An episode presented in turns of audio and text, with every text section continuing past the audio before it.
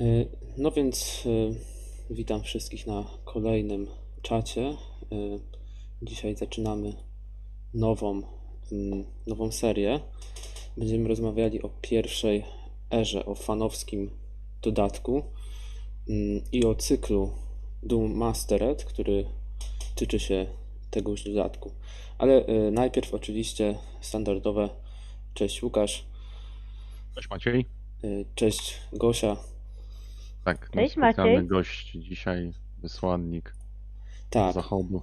Tak, właśnie, y, jak właśnie, jak y, właśnie Łukasz powiedział, mm, dzisiaj y, gości u nas Gosia, y, która będzie naszym ekspertem od spraw związanych z pierwszą erą.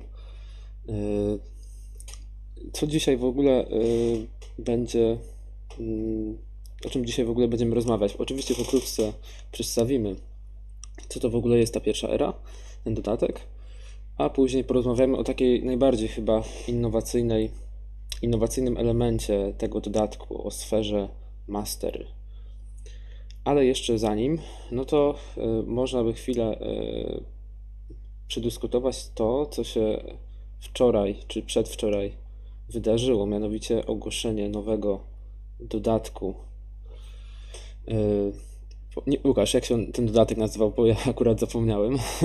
E, polowanie na e, n- Dread Huntera, czy jakoś tak. Tak, coś Dre- Dreadnoughta. Dreadnoughta, o właśnie. To jakiś tam, o, to jest jakiś e, typ okrętu, ale nigdy nie wiem jaki to jest typ okrętu. To się też mi trochę z Gwiezdnymi Wojnami kojarzy, więc jak ktoś tutaj ma coś e, troszeczkę więcej wspólnego z marynarką, której ja osobiście nigdy nie lubiłem, to może jakoś tam się wypowiedzieć i naprowadzić o co właściwie chodzi. Ja rozumiem, że to jest jakiś tam typ wojennego okrętu, ale co, jak, gdzie, z czym, to jeszcze to przełożyć do władcy, to już, już w ogóle jest jakaś e, magia. Jakie. Natomiast ja jestem pozytywny, no, Maciej? Mm, Nie, dobra, możesz mówić. Natomiast ja jestem pozytywnie zaskoczony tym e, i ciekawy jestem, czy to było specjalnie zrobione, bo jakby nie patrzeć, to był e, dzień e, Hobbita, e, urodziny Bilba i Froda. e, W tym dniu, kiedy zostało to ogłoszone. Mam nadzieję, że to nie był jakiś przypadek. Mm, Ale jeżeli tak, no to fantastycznie się wstrzelili termin. E, I krążą plotki, potwierdzone, półpotwierdzone, że to, co e, dostaniemy wszyscy w okolicy grudnia, e, to miał być e, scenariusz, to miał być dodatek e, z tegorocznego nieodbytego Genconu, więc chociaż e, plusem jest to, że materiał zostanie wykorzystany troszeczkę w innym trybie, ale mm, teraz przyszło mi do głowy, że to jest z drugiej strony takie niepokojące, bo albo e, już nie będzie w ogóle fellowshipów, bo i tak czekamy na jakiś tam zaległy, e, albo na przykład materiał na fellowshipa będzie kiedyś tam w przyszłości, chociaż ja osobiście wątpię, żeby już jeszcze taka forma nastąpiła. I forma takich dodatków z dużą kartą e, może być przyjemnym takim przyjem, przyjemną odmianą, jeżeli chodzi o granie w naszą cudowną grę. Ja się zastanawiałem właściwie, jak duża będzie ta karta. Czy to będzie wielkości dwóch standardowych kart, czy jeszcze większa? E, Ona będzie taka, jak masz te, mm, jak masz te planszetki z zasadami do scenario kitów. Aha, no to Wydaje mi się, że tak, bo to, jest, bo, to jest, bo to jest taki format mniej więcej, może być ciut mniejsza, ale ja bym celował w ten format. I takie pewnie będzie pudełko docelowo. Tylko właśnie też się zastanawiam nad tym, musiałbym się przyjrzeć tym e, pakom, jak są chyba, bo ktoś to porównywał do e, tego arkamowego, chyba to się Blob nazywało, czy coś takiego, który pochłania wszystko. I tam już się pojawiła taka duża karta. Mhm. Tak mi się wydaje, ale mogę się mylić. I chyba też coś podobnego było e, w Marvelach, czy ma się pojawić? Więc jakaś taka dziwna formuła, która osobiście kojarzy mi się trochę z e, komanderami z Magica. Mhm. Są takie właśnie powiększone karty. No, zapowiada się e, ciekawie, tylko mnie tak zastanawia osobiście, bo może ja tutaj nie zauważyłem, ale chyba, czy będzie tam mechanika żeglarstwa? Nie wiadomo. No właśnie. Raczej, raczej, no właśnie nie wiadomo, bo jest za mało kart pokazanych, y, czy jest, czy będzie na nich właśnie to, to zawar, e, zawarte będą te symbole. No bo Mhm. w inny sposób mechaniki.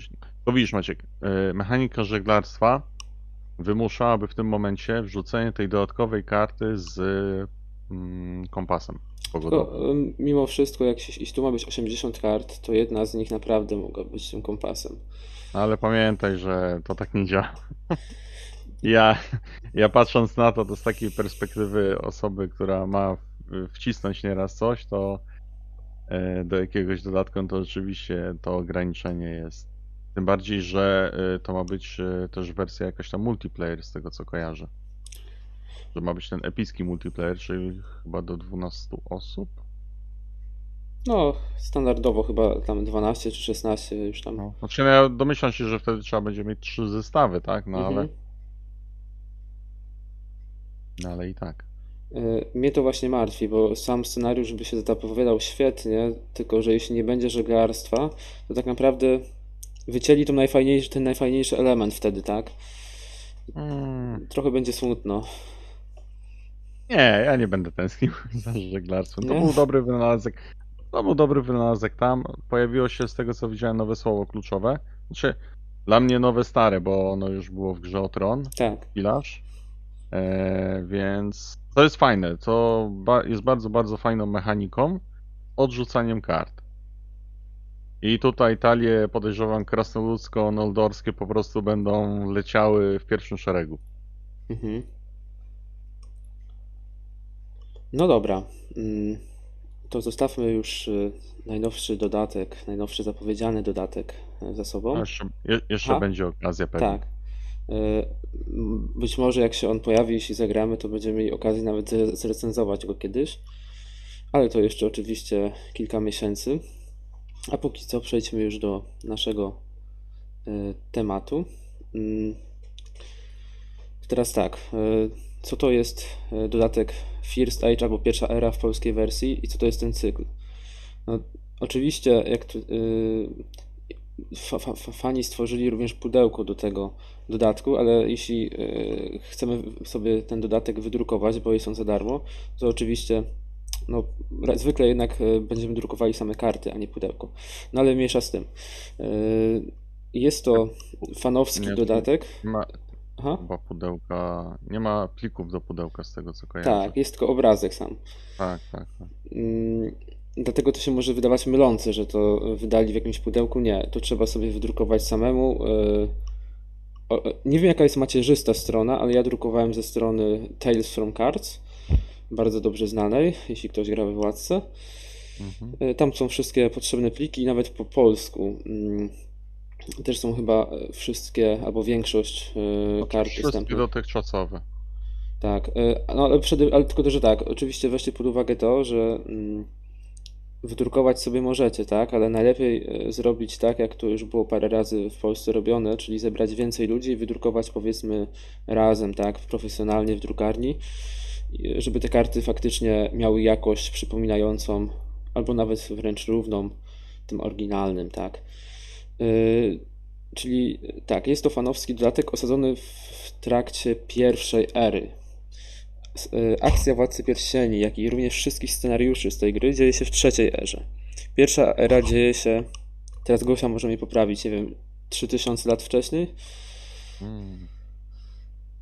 Trochę Jeszcze więcej. Nie, y, przed ten. Pierwsza era dzieje się około 6000 lat przed końcem trzeciej ery. Mhm. To No jest właśnie. y, jeszcze Właściwie cała druga era, Mhm. Też ponad, to ponad 3 3000 lat. Trzecia era, kiedy my jesteśmy, w, kończy tam y, ten, Wojna o Pierścień 3018-19. To jest, a sama pierwsza era jest króciutka, kilkaset lat ma trwa. To Mhm. jest ciekawe. Nie liczy, liczy się pierwszą erę Słońca. Wcześniej Mhm. też się działy wydarzenia, ale od pierwszego wschodu Słońca to kilkaset lat tylko upływa. Mhm, dobra. Y, I właśnie, co jest może ważne, jeśli ktoś nie czytał Silmarillionu, to też może na przykład e, nie zdawać sobie sprawy, że to się ok, dzieje 6000 lat wcześniej, ale tak naprawdę w tym świecie jakby nie zachodzą żadne zmiany te- technologiczne, tak? To nadal będzie powiedzmy takie y, starożytność średniowiecze, tak? Tu nie będziemy mieli jakiejś tam jakiejś epoki kamienia upanego, tak? Że nie ma jeszcze pewnych y, narzędzi, pewnego ekwipunku. Nie, tutaj jak najbardziej to wszystko dzieje się w dość ym, podobnym klimacie. Chociaż oczywiście. Właśnie to jest ciekawe, bo na przykład e, broń wytwarzana, tak, jest, Mhm. można powiedzieć, chyba nawet gorsza Lepsza. w późniejszych erach. No właśnie chciałem odwrócić, tak, że w pierwszej erze była lepsza, tak, no bo widać to po e, żądełku, czy glamdringu, e, czy też e, orkliście, tak, że świecą na e, tym, świecą jakimś tam blaskiem. A później nie wiadomo, czy technika zaginęła, czy się nie opłacało, czy na jakiej zasadzie w ogóle później wykowano miecze, czy Noldorowi już stwierdzili, że im się już nic nie chce.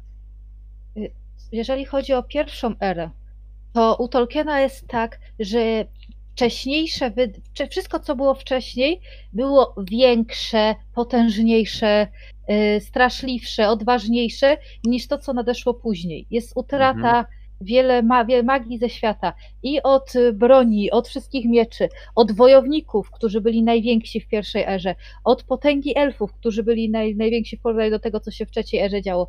W trzeciej erze to już były szczątki, a jeżeli chodzi, no, a jeżeli chodzi o ludzi, to najpotężniejsi ludzie też byli w drugiej erze, a potem też coraz słabli, słabli, słabli, słabli. Utrata potęgi świata u Tolkiena. To jest bardzo, bardzo ciekawe. Nie wiem, czy w jakiej. Znaczy, praw, o, oczywiście pewnie są jakieś inne światy fantazy, gdzie coś takiego e, jest obecne, ale to się, to się raczej rzadko spotyka. Znaczy, no właśnie Maciek, y, generalnie jest y, rzadki motyw fantazy, kiedy jesteśmy u szczytu potęgi jakiejś rasy, tak? Zazwyczaj to jest już jakiś, już są jakieś pozostałości, tak? I odkopywanie tej zamierzchłej przyszłości, jak to było kiedyś tak fajnie, tak? A dziś jesteśmy tacy biedni, o, to też jest taki schemat, więc... Tylko, że to jest taki on- typowy s- akurat- schyłek, akurat coraz on jest gorzej po- przez cały tak, czas. Tak, ale, tak, ale on jest właśnie powielany w ten sposób. Bo to Znaczy, jest. tak y, jak Elrond mówi, że e, no tutaj e, przypominały mi się armie, takie jakie były w pierwszej erze, jak mówił o ostatnim sojuszu. No troszeczkę, troszeczkę to przypominało, ale to i tak nie było to samo, gdzie przecież no przyrost e, był, e, musiał się zwiększać, tak? No tak populacja powinna się zwiększać, no a tutaj się okazuje, że chyba nie. Ale to jest motyw dość częsty y, w mitologiach. W, Mhm. w tych, którzy, że wcześniej była złoty wiek, potem srebrny, a potem brązowy na przykład. W wielu mit, właśnie w, w przypadku wielu mitologii na świecie, tak samo jak u Tolkiena, to jest mitologia, że wcześniej było lepiej. Byli ludzie mądrzejsi, byli wspanialsi, potężniejsi. Potem wszystko upadało. Teraz dopiero XIX-XX wiek zaczęto bardziej patrzeć w przyszłość, że wcześniej to to byli tacy te biedni, ale będzie y, cud w przyszłości. I dlatego się też fantastyka robi taki zwrot, że y, są właśnie podział na tych, którzy wcześniej było super, a teraz jest gorzej, albo ci, którzy no teraz jest źle, ale będzie lepiej. My Mhm. takim jedynym innowatorem, no to właściwie jest Sauron i Saruman. Są, to, to są jedyne postaci, które pchają trochę to śródziemie, e, no może w niewłaściwy sposób, no ale jakoś e, technologicznie do przodu, czy też no w ogóle wymyślają, starają się wymyślać coś nowego. Cała reszta, o, jak nam niedobrze, źle, wszystko już było. Fajne rzeczy zostały wynalezione. Tak. No bo nikt nie zrobił już później czegoś na miarę, nie wiem, Palantirów, lamp Feanora. Tego nie było już później. Nikt, Tak. ni- nikt nawet nie starał się tego odtworzyć. Nie. Nie, nic, nic takiego. Zawsze to były relikty dawnych czasów. Nikt potężniejszy od Fenora nie był, wszyscy to uznali. No to teraz sobie siedzimy, już nic nawet nie próbujemy. Mhm. Tak, a już y, teraz wracając do samego mm, dodatku, y, to tak, y, sam dodatek pierwsza era zawiera trzy scenariusze i całe multum kart graczy. Natomiast cykl, jak to cykl, wiadomo, dodatki cyklowe, jeden scenariusz, jeden bohater i trochę kart graczy. Chyba nawet to wychodzi po 60 kart łącznie scenariusza i graczy, czy O, trochę więcej. może trochę więcej. Mhm. Więcej jest kart scenariusza chyba. Generalnie y, na upartego można byłoby traktować to rozszerzenie jako drugą podstawkę, osobną podstawkę, Mhm. Oczywiście. patrząc, po, patrząc po ilości. Y, Otrzymujemy w samej, w samej dodatku pierwsza era otrzymujemy chyba 15, nie, dwu- 15 bohaterów? Chyba tak, bo każda z pięciu sfer, bo mamy pięć sfer, ma Mhm. trzech bohaterów tutaj. I mamy całe mnóstwo kart graczy. Więcej nawet niż y, w zwykłym zestawie podstawowym do Władcy Pierścieni. To jest bardzo No bo ciekawe. chyba wszystkie, wszystkie mają też e, swoje potrójne odpowiedniki, Tak. Mhm. więc to też może być takie no, na ilość. No jest ta dodatkowa sfera, więc będzie więcej. Mhm. Tak. Yy, Ale co jest jeszcze ważne, mm, to niestety nie można dowolnie łączyć pierwszej ery z innymi dodatkami oficjalnymi. Yy, Jest właśnie na stronie Tales from Cards również lista kart dozwolonych do grania w pierwszej erze. Yy, Czyli na przykład możemy zagrywać fintę, tak, sprawdzian woli, takie powiedzmy karty, które nie odnoszą się w żaden sposób do, do tej trzeciej ery, tak? Takie powiedzmy ogólne tematycznie, ale, ale już na przykład nie zagramy, tak? Jakiegoś y, zwiadowcy ze Śnieżnego Potoku, tak? Rochańskiego, bo oczywiście Rochan wtedy nie istniał. I podobnie się sprawa ma z większością tak naprawdę kart, jakie istnieją w tej grze. Mm, Ale na przykład y, Glorfindelem chyba i Cirdanem można pograć. O ile się... Glorfindelem na pewno. No, A z jest kłopot, bo on jest y, przy, przypasowany dla ułatwienia w normalnej grze do innej, do y, innej cechy. On jest jako Noldor, on nie był Mhm. Noldorem, więc tutaj on by był jako Teleri. Mhm. Ale to, ale to bardzo łatwo można byłoby na przykład, y, jakby twórcy chcieli, to mogliby zrobić kartę dodatku, która by w jakiś sposób go tam ratowała. Mhm. Że traci właśnie e, cechę, e, cechę Noldor, a zyskuje cechę Teleri. Wszystko byłoby ok. Tak. Mhm. Y, Co jeszcze warto powiedzieć, to że te trzy scenariusze, które znajdziemy w pierwszej erze, one opowiadają historię y, Beren i Lúthien.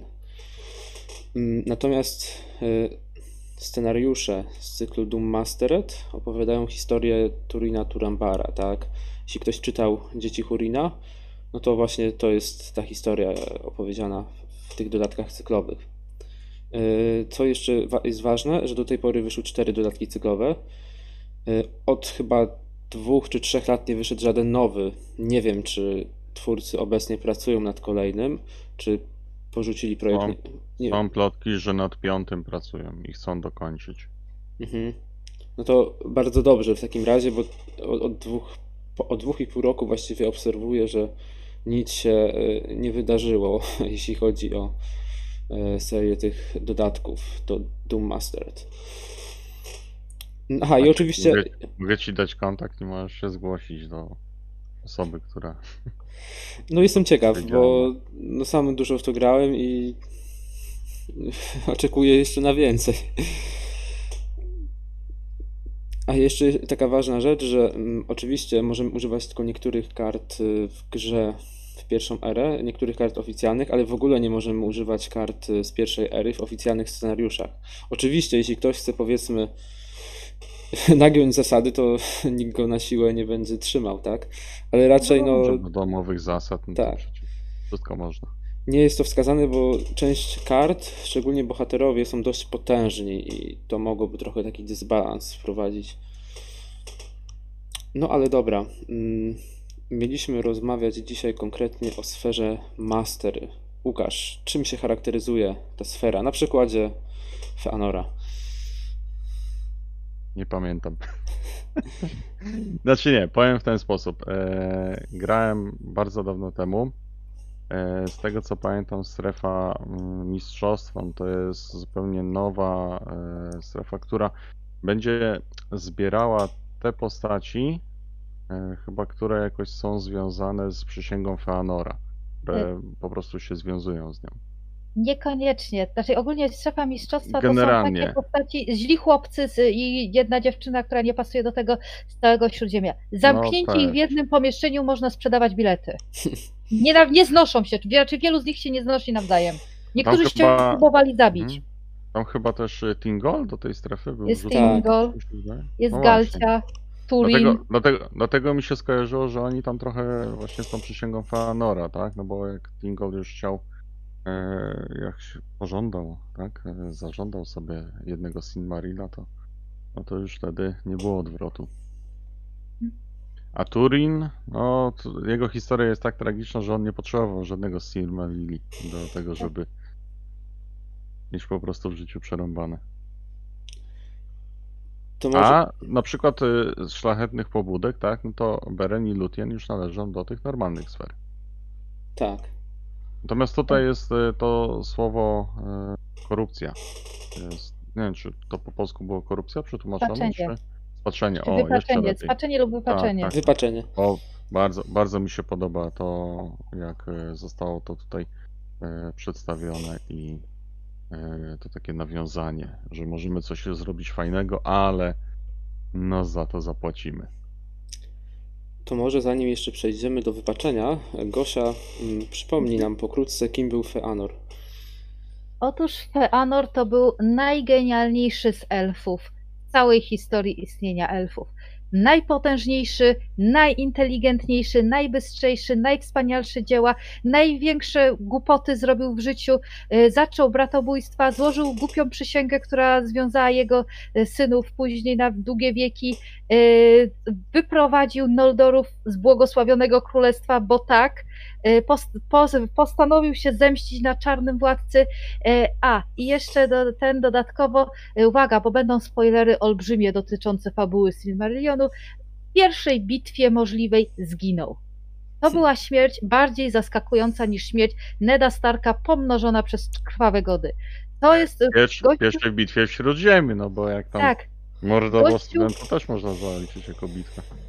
gościu, który pędził wróg całą fabułę, wykonał klejnoty, od których jest nazwa całej książki, Silmarillion, Silmarile, najpiękniejsze, których pożądali właściwie wszyscy, którzy to wiedzieli, te klejnoty zostały ukradzione później przez władcę ciemności Morgota. E, I ten, który rzucił wyzwanie Valarom, który zrobił pierwszym, był elfem, który zabił innego elfa i który zaczął, ze, zrobił wielkie bratobójstwo, który ten y, sprowadził na właśnie na swój lud, wygn- swój- lud sprowadził na wygnanie, który zdradził swojego brata i spalił statki, który y, i w głupi sposób jeszcze zginął, dlatego że się za daleko zapuścił za uciekającym nieprzyjacielem.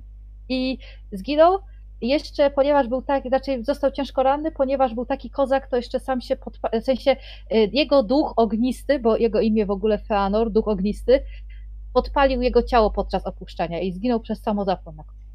Y, I, I w ogóle cała historia Śródziemia, cała historia pierwszej ery kręci się wokół tego, co Feanor zrobił i coś, co, co on zrobił. A nawet w trzeciej erze, jak kojarzycie y, trzecią erę, bardzo dużo ma związek z Feanorem. Y, To, że Galadriela zdała ten test i mogła wrócić na zachód, to z powodu tego, że ona dołączyła do buntu Feanora. Z te, to y, Palantiry były wyprodukowane przez Feanora. Y, Tengwar, alfabet, którym był, wyku, którym był wykuty tekst na pierścieniu czy napis na drzwiach Mori, był wymyślony przez Feanora. Gandalf opowiadał, że jakby on miał Palan, jakby co by chciał zobaczyć w Palantirze najbardziej, Feanora chciałby. Gandalf chciał stalkować Feanora, jak, w jaki sposób on tworzył swoje cudowne dzieła. Celebrimbor, twórca pierścieni, to był wnuk Feanora. Bardzo dużo rzeczy się wokół tego, co Feanor stworzył, to, co on, czego on dokonał, kręciło aż jeszcze w trzeciej erze. Niesamowite to jest. No, tak, tak jak tutaj Gosia powiedziała, to jest tak naprawdę no, chyba najważniejsza postać w Silmarillionie. Jedna z najważniejszych na pewno. Y, Morgoth jest najważniejszy. Przepraszam, powiem, że jednak ten zły, zły jest najwa- najważniejszy, a tutaj z tych nie wiadomo właśnie czy dobrych. Przepraszam, y, powiem tylko u Tolkiena właśnie w pierwszej erze, jak tak wszyscy narzekają, że w trzeciej tak ci są dobrzy, ci są źli, tam ewentualnie po środku starają się znaleźć Baromira, Goluma, co tam, jakieś dziwne szare postaci starają znaleźć, to pierwsza era to to jest takie, no nie wiadomo, czy on jest dobry, czy zły. Pierwszy zauważył, że Morgoth jest zły, ale z drugiej strony robił to właściwie jak Morgoth mu zagrał. Walczył z Morgotem, czyli z głównym złym, podczas gdy pozostali unikali walki. On poszedł walczyć z nim, ale z drugiej strony pozabijał swoich y, krewniaków innych elfów tylko dlatego, że mu statków nie chcieli oddać. I tutaj później, no nie wiadomo co, wariat. Tak, szaleniec, geniusz, szaleniec, bratobójca. Tak, i Feanor y, został przedstawiony właśnie przez y, twórców tego fanowskiego dodatku jako niesamowicie potężny bohater z trzema punktami siły woli, z czterema ataków, z pięcioma życia. I z efektem, y, który za kilka minut jeszcze stanie się dla Was bardziej jasny, mianowicie możemy położyć na nim jeden żeton wypaczenia. Y, Żeby położyć trzy żetony na obecnej wyprawie, to nie jest takie mocne, ale położyć jeden żeton wypaczenia, żeby zagrać dowolny dodatek z dowolnej sfery bez kosztu, y, to oznacza bardzo wiele. W standardowej grze, oficjalnych scenariuszach mamy namiestnika Gondoru. Tutaj jest o- jego odpowiednik, y, też fioletowy, też o koszcie 2. Nie pamiętam jak się nazywa. Ale teraz jeśli gramy taką talią z- y, stworzoną właśnie na tej sferze pomarańczowej, to możemy sobie zagrywać właśnie takiego namiestnika Gondoru ze sfery fi- fioletowej. Jest, jest ca- całe multum innych dodatków, które możemy sobie y, z tego efektu zagrać. Y, Jest to, Feanor jest właściwie w tym dodatku takim chyba najsilniejszym bohaterem, jakim można grać. Y, Tak jak jest Glorfindel czy Elrond w oficjalnych scenariuszach, to tutaj Feanor zdecydowanie króluje. Y, Jeśli chodzi o samo wypaczenie, żetony wypaczenia to są żetony postępu, bo oczywiście mm, no, nie ma osobnych żetonów o innym wyglądzie, tak?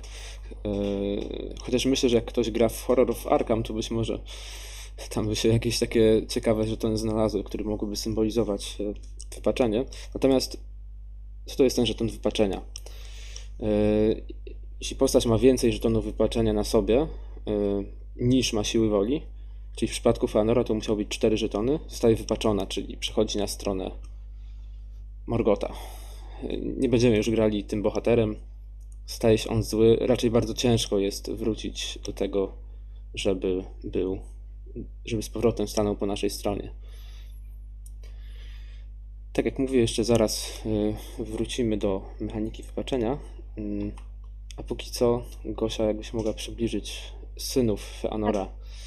Tutaj są nie wszyscy synowie Feanora, brakuje najmłodszych rudych bliźniaków. Tak. y, których mama tak bardzo kocha, że im dała to samo imię. Y, Natomiast y, tutaj mamy piątkę najstarszych synów Feanora i to są postaci tragiczne, których ojciec zostawił z całym spadkiem. Przysięgi, y, związania, bratobójstwa, wszystkiego. I oni sobie bardzo różnie z tym radzili. To znaczy oni wzięli, wszyscy udział w pierwszym bratobójstwie, normalnie. Potem jak ojciec ich próbował zdradzić, znaczy zdra- zdradzał swojego brata i tam ukradł i spalił statki, którymi się przedostał do Śródziemia, to jeden najstarszy, ten tutaj po środku Maidros, ten rudy, y, którego namalowała ładnie Jenny Dolfer, y, on mu się trochę sprzeciwił. y, Był takim, który ogólnie przez całą książkę, przez, do momentu śmierci jego najlepszego przyjaciela był ukazywany jako taki najbardziej rozsądny z, tego wszystkiego i go, taki do, ugodowy dość bardzo. I on został po śmierci ojca pojmany przez Morgota, on tam spędził trochę w lochu, jego kuzyn go uratował, odcinając mu przy okazji rękę i y, ten, i później jak został po, po śmierci ojca najwyższym królem, to się zrzekł tego królowania na rzecz stryja, oddał mu po to, żeby zachować pokój między Noldorami różnymi, którzy bardzo tym momencie, między elfami, którzy bardzo tak za, bar- tak za bardzo ze sobą w tym momencie z różnych frakcji nie przepadali, bo Feanor i jego lud zostawił lud swojego brata dosłownie na lodzie, bardzo na lodzie. I y, jak tam ci też trafili do Śródziemia ostatecznie, no to tak się za bardzo nie, nie, lubi, nie dogadywali, a Majdros starał się zrobić wszystko, co się dało, żeby y, to ułagodzić ten spór. Y, Oddał królestwo, oddał właściwie, wyniósł siebie i swoich braci jak najdalej od innych Noldorów. Y, To po, i tak jakoś trwali, mimo sabotowania jego wysiłków y, przez innych braci, o nich więcej za chwileczkę, y, a po śmierci swojego najlepszego przyjaciela i kuzyna, tego, który mu ratował życie, to on się załamał kompletnie, poprowadził swoich braci na drugie bratobójstwo, potem na trzecie bratobójstwo, potem na właściwie morderstwo takie typowe e, z tego i ostatecznie jak zdobył tego Silmarilla, które przysiągł zdobyć jego ojciec i, oni, to okazało się, że ten stracił prawa do klejnotu i się rzucił w przepaść e, ognistą i zginął. Dobra. Jego brat Maglor, Poczekaj. y, tak? Dobrze, y, może właśnie będziemy przerywali po każdym z nich i wyjaśniali Dobra. ich efekty, bo tu akurat y, zauważyłem, że jego efekt się bardzo ciekawie zgrywa z tym, co opowiadałaś. Mianowicie Maedros jakby bez żetonu wypaczenia sam z siebie ma, daje wszystkim Noldorom plus jeden do siły woli, ale właśnie jeśli ma wypaczenie, czyli po- podejrzewam, że to jest ten symbol tego momentu, kiedy on zdecyduje się na to bratobójstwo, jeśli ma to ten żeton wypaczenia, to daje wszystkim plus jeden do ataku, tak? Wszystkim z domu Feanora. I myślę, że to zostało całkiem ciekawie tutaj pokazane. Nawet jako akcję można na nim położyć ten żeton wypaczenia. Tak, tak. I to jest właśnie bardzo, bardzo fajnie to jest oddane. Yy, On naprawdę, on po tym jak go został uwolniony z, z, od Morgota yy, przez swojego kuzyna po odcięciu ręki, było, że on się nauczył lepiej walczyć lewą ręką i był nawet jeszcze straszliwszy niż wcześniej i że on się zawziął i był najbardziej zawziętym wrogiem czarnego władcy. Ale no potem no pękło mocno. Yy, Jego brat Maglor, młodszy, ten z harfą taki, on jest często pokazywany jako taki łagodniejszy, y, z tego powodu, że on grał i śpiewał ładnie, bardzo, czy najpiękniej z Noldorów. Y, I on tworzył pieśni takie różne, ale u niego była historia trochę odwrotna niż u brata starszego. To znaczy, u niego historia wyglądała tak, że on najpierw y, wszystko, co robił, to nie miał żadnych takich buntów przeciwko ojcu ani niczego innego. Natomiast potem, jak były już te ostatnie bratobójstwa, to był ukazany jako ten łagodniejszy od starszego brata, że on tam się zdecydował przyjąć, zamiast zabić małe dzieci Elronda i Elrosa, Elronda tak tego z Władcy Pierścieni, po, tym, po trzecim bratobójstwie, to on zdecydował, że teraz raczej, że on się nimi zaopie, zamian zaopiekuje. Tak, Elrond i Elros byli wychowywani przez morderców ich przyjaciół i dalszej rodziny. Rodzice akurat się uratowali, ale ich zostawili na pastwę losu. Natomiast y, właśnie on był przez, przez, wychowywany przez dwóch bratobójców, Maedrosa Maglora. Y, No i potem, jak Maedros planował te mor- ostateczne morderstwo i zdobycie Silmaril na końcu, to Maglor był ten, który mu starał się przemówić do rozsądku, ale w końcu też uległ starszemu bratu, bo się bał tej straszliwej przysięgi, jaką złożyli. Oni wszyscy razem z ojcem, Feanorem, złożyli straszliwą przysięgę, że wrogiem ma im być każdy człowiek, elf, balar, ktokolwiek, jaka potęga i że niech ich czekają, y, jeżeli im nie, zamie- nie odda Silmarilla i, i niech ich czekają wieczne ciemności, jeżeli tych Silmarili nie będą się starali odzyskać. Więc oni popełniali najróżniejsze zbrodnie, bo byli związani przysięgą, albo przynajmniej wierzyli, że byli związani przysięgą, bali się wiecznych ciemności. I takie różne rzeczy robili. No i Maglor ostatecznie też z tego Silmarilla zdobył, tylko jak jego brat popełnił samobójstwo, to on wyrzucił Silmaril w morze i od tego momentu podobno się błąka gdzieś po wybrzeżu. I pra- prawdopodobnie nie słyszał o nim później żaden elf, ani człowiek, ani nic nie wiadomo i y, może być chodzić nawet w trzeciej erze. To jest jedyny z tych y, z rodzin, z, jedyny syn z rodziny Feanora, który mógł przeżyć, dożyć do trzeciej ery. Bardzo ciekawe i, i tak się też zastanawiam, jego efekt, który pozwala przejmować żetony wypaczenia e, z Mhm. innych postaci, też w jakiś sposób chyba pasuje do tego, że on był trochę powiedzmy łagodniejszy, tak? E, W przeciwieństwie do innych tutaj, e, no może dobra, nie, nie do wszystkich, ale w przeciwieństwie do e, Kurufina, Maedrosa i Celegorma, n- on nie ma efektu, żeby na nim położyć żeton wypaczenia, tylko żeby właśnie przejmować te żetony wypaczenia od innych. Mhm.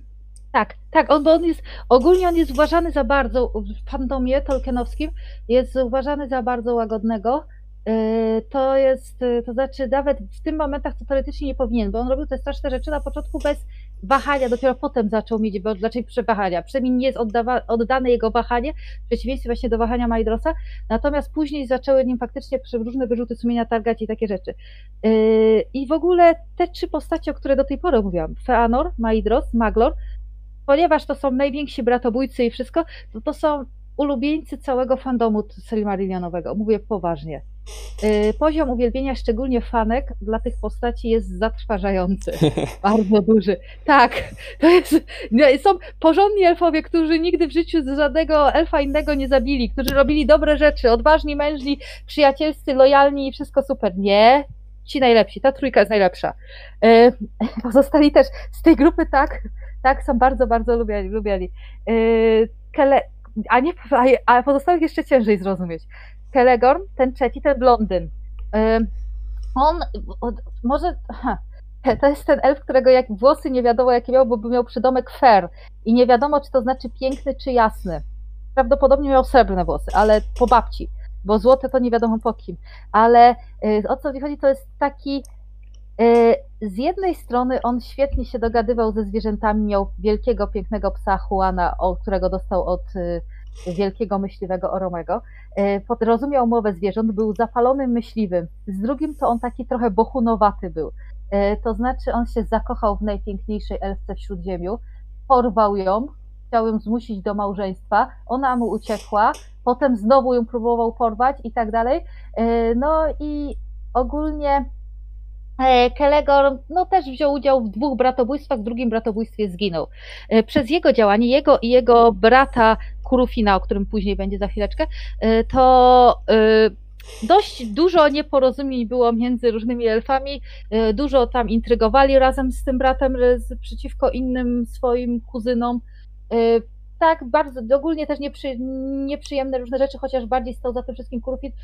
Tutaj Kelegon taki właśnie no trochę bardziej w stronę bochu naszedł.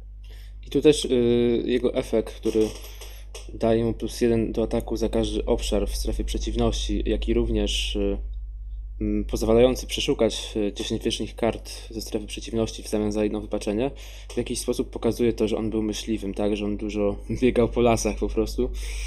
E, Więc może ten efekt nie jest mocny, w ogóle nie jest mocny, jest to jest dość słabo w tym dodatku, ale jednak bardzo fajnie oddaje tą jego specyfikę, o której opowiedziałaś. E, Jego, znaczy brat trochę młodszy, Karantir, ten po lewej, e, on, jego imię znaczy tyle, co czerwona twarz, dosłownie. E, On miał, był takim bardzo samotnikiem, odludkiem, no też tam te wszystkie bratobój, pierwsze bratobójstwo, w drugim bratobójstwie zginął e, też, e, ale on był tak się odizolował od wszystkich mocno. On nie za dobrze robił sobie, on się z krasnoludami trochę trzymał, ale łączyły ich interesy, nie jakaś przyjaźń. Był bardzo, kłócił się często z kuzynami różnymi, takimi, nie, nie za bardzo się dobrze trzymał z innymi ludźmi. I tutaj, z innymi ludźmi, z innymi elfami, z ludźmi też się nie trzymał, bo tych którzy, ludzi, których przyjął na swój dwór i, i włączył do swojego wojska, go zdradzili. I tutaj też widzę, że on ma efekt pasujący do tego, że właśnie przez to ludzie, których on zaprosił na swoje ziemię, to w końcu zdradzili elfów i zaatakowali własne oddziały podczas wojny z Morgotem, czarnym nieprzyjacielem. Tak, a jego efekt jest taki, że gdy zostanie odkryty podstęp, e, to e, po rozpatrzeniu tego podstępu kładziemy e, go pod karantira i ten podstęp później można rozdać wrogom jako dodatek, który obniża statystyki ataku i obrony o jeden. Mhm. I ostatni tutaj Kurufin, ten między Maglorem a Majdrosem po prawej, to jest mały tatuś. Zresztą tyle samo znaczy, y, ojciec mu nadał swoje własne imię, Feanor, bo Kurufin był innym, drugim imieniem Feanora. Matka go nazwała mały tatuś. E, On e, też był kowalem świetnym, przyjaźnił się z krasnoludami, e, był ojcem Celebrimbora, tej jego twórcy pierścieni późniejszych, tylko ten syn się odciął od niego, jak wyszły na jaw machlojki taty, w sensie, że jak się dowiedział, co on tam, jakie rzeczy porobił. Ale on też właśnie z krasnoludami poznał ich język, świetny kowal, chociaż takich, tam wykuł parę mieczy dość istotnych w w pierwszej erze, ale- znaczy nie super istotnych, ale trochę istotnych. I y, między innymi on był twórcą noża, którym później, Beren wyciął Silmaril. O nim będzie pewnie w którymś późniejszych dodatków, y, później, późniejszych odsłonach cyklu, ale Kurufin, y, on, y, jak jego brat, on się trzymał głównie z Kelegormem, tym blondynem. I oni się się najbardziej ze sobą dogadywali z tego, z tego całego rodzeństwa i że jak Kelegorm był bardziej taki otwarty, bardziej taki jakby to powiedzieć, ekstrawertyk, to on bardziej introwertyczny, on bardziej planował za plecami innych, e, przejął właściwie władzę w królestwie rządzonym przez swojego je- kuzyna lub syna kuzyna, zależnie od wersji. E, I on też wspierał Kelegorma w poszukiwaniach tej najpiękniejszej elfki, czyli Lutien. I on próbował zabić. Jak się okazało, że nie udało im się porwać po raz drugi tej kobiety, próbował ją y, zabić, strzelił po prostu do niej z łuku z daleka, ale ją y, dwa razy, żeby nie było, i, ale jedną strzałę złapał pies, a drugą zasłonił ukochany, drugą zasłonił ukochany właśnie Lutien y, Beren. Beren ją zasłonił i sam dostał. Ale y, Kurufin również zginął w drugim bratobójstwie. Ci panowie na C, Kurufin, Kelegorm, Kalanty, Karan- Karantir, oni zginęli wszyscy w drugim bratobójstwie i y, no. I to też jest taka tendencja, że im jacyś elfowie z, z, rodu Feanora byli, Feanor lub jego synowie, im jacyś byli gorsi, jakby bardziej odrażający w swoim postępowaniu, to oni ginęli wcześniej. Im, którzy byli, wydawali się bardziej w porządku, tym oni ginęli u Tolkiena później. I więcej złego jeszcze zdążyli narobić. I Bardzo to jest ciekawe. przykre było, jak się czytało. E, Nie zauważyłem takiej zależności, chociaż być może za mało razy czytałem. Natomiast tutaj warto dodać, e, że Kurufin e, jako karta w grze ma statystyki 2 siły woli, 2 ataku, ale przede wszystkim za położenie jednego żetonu wypaczenia jego statystyki stają się statystykami fe, inaczej. On przejmuje jakby statystyki Feanora, tak. I to też genialnie, chyba najlepiej z tych wszystkich pięciu braci oddaje jakby to, kim on był, tak? Że on miał nadane imię Feanor. Także on miał i nadali mi Feanora Kurufin. Kur, bo Feanor też się nazywał Kurufin, to było jego drugie ojcowskie imię. Mhm. Co tu jeszcze Dobra. warto powiedzieć? Y, Amroda i Amrasa jeszcze y, twórcy tego dodatku nie wymyślili. Być może pojawi się w którymś z kolejnych dodatków cyklowych. Mm, Natomiast jeśli chodzi o tą piątkę, to może z wyjątkiem Celegorma, który jest dość słaby, no to i Kurów, i Maedros, i Maglor, i Karantir raczej będą się pojawiały w każdej talii, w której gramy sferą Mastery. Na nich można oprzeć właściwie talię. Jest dużo efektów związanych z wypaczeniem w ogóle w całej sferze Mastery. E, Dużo e, efektów właśnie związanych z Noldorami, z, z domem Feanora. E, Więc jak kto, jeśli będziecie kiedyś grali w pierwszą erę, to na pewno bardzo warto zagrać tymi właśnie postaciami. I w sumie to można przejść do mechaniki wypaczenia. Łukasz, czy ty, mm, bo już oczywiście samo wypaczenie przedstawiliśmy, ale Mhm. jeśli chodzi o opinię o samym wypaczeniu, co ty o tym sądzisz, o tym pomyśle? Czy jest bardzo, bardzo klimatyczny, tak? Więc e, tutaj jak najbardziej hołd, ukłony, kapelusze z głów e, w stronę twórców. E, Tylko ja mam takie pytanie, Maciek, bo tego akurat nie pamiętam. Mm, Czy jak. e, Bo ilość e, żetonów wypaczenia jest zależna od e, siły woli. Tak. A czy jeżeli siła woli jest modyfikowana, tak, na przykład przez Mhm. dodatki, to czy wtedy można zwiększyć ilość e, tych żetonów wypaczenia, czy to chodzi o wydrukowaną? A wiesz, że nie pamiętam? Nie mam, No nie mam właśnie, to, pojęcia. to, to, mnie, to mnie teraz trochę tak e, zanurtowało, bo przy obecnej puli kart, no parę takich rzeczy jest, które no, można byłoby fajnie wykorzystać. Tylko pytanie, czy właśnie te karty, powiedzmy, z oficjalnej części gry, te, które są, powiedzmy, fajnie by działały, to czy one, powiedzmy, są dozwolone, nie? Co? Myślę, że by były, no bo jak masz ten e, Silver e, Circlet e, z Mhm. ducha, ten dodatek o koszcie 2, no to on nie jest w żaden sposób jakoś związany. Mhm. A nie, dobra, to trzeba byłoby jeszcze im dać chyba tym bohaterom, bo tam chyba bohaterowie mogą mieć ten dodatek, ale trzeba byłoby im dać jeszcze z, pieśń, pieśń podróży. Mhm. Żeby to zadziałało. No dobra, no ale, ale wiesz o co mi chodzi, Tak. że można jakoś tam modyfikować. Albo na przykład, nie wiem, y, pytanie, czy kontrakty byłyby też dozwolone? No właśnie. Niektóre. Tak, na przykład taki fellowship. Przed fellowshipem. No, po Silmarile mogli się wybrać w Fellowshipie. No. No Generalnie, y, generalnie te kontrakty, no to takie są dosyć uniwersalne. Mm. One mają, one mają swoje źródło w, y, we Władcy czy w Hobbicie, ale, ale do kombinowania, czemu nie? Y, Ja się osobiście zastanawiam, czy właśnie twórcy cyklu Doom Mastered yy, nie zafundują nam kiedyś jakiegoś kontraktu właśnie związanego z pierwszą erą. Byłbym jak najbardziej za. Yy, szczegół- Jako, jako ostatni, jako w ostatnim dodatku byłoby fajnie mieć taką kartę kontraktu. Yy, A jeszcze, żebyście mieli taki ogólny ogląd, powiedzmy, jakie tu mogą być efekty z tym wypaczeniem, to mamy na przykład wydarzenie Dark Elf, które pozwala nam położyć yy, x żetonów wypaczenia na naszych bohaterach, żeby dobrać x kart, tak. To jest bardzo fajne, yy, szczególnie, że chyba w tej, w tej pierwszej erze raczej z dobieraniem kart nie jest aż tak łatwo, z tego co pamiętam. Mamy też na przykład takie rzeczy jak Galvorn Armor, czyli pierścień z Galivornu. Zbroja. Zbroja z- Galvordu. Mhm. To Tak, jest z- y, stop wynaleziony przez Eola, o nim będzie później. Tak, e, która daje plus jeden do obrony za plus jeden do obrony oraz plus jeden do obrony za ka- każdy żeton wypaczenia na bohaterze, tak. Mamy Earth of the Enemy, wydarzenie, które pozwala mm, przekierować efekt cienia, że my jakby przejmujemy kartę cienia, to jest bardzo ciekawe. Jest też Dreadful Death, które pozwala, e, jeśli nam postać, nasza postać zostaje wypaczona, to można ją z powrotem jakby e,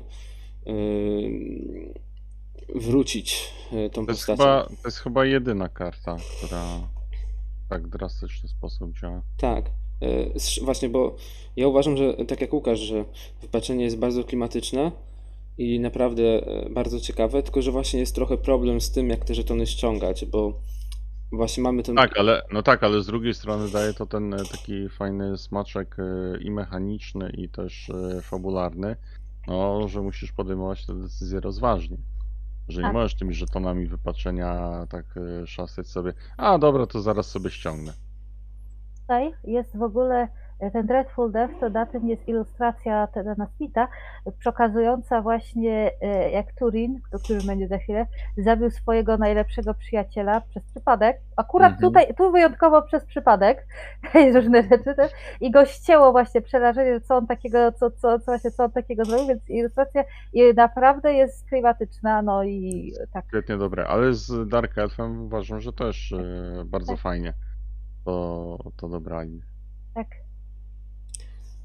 Mm, A jeśli chodzi jeszcze, właśnie tak, no to, to jest to, że te powiedzmy nazwy kart e, i też ilustracje są w jakiś sposób powiązane na serio z fabułą czy e, z efektami tych kart. Mm, różnie.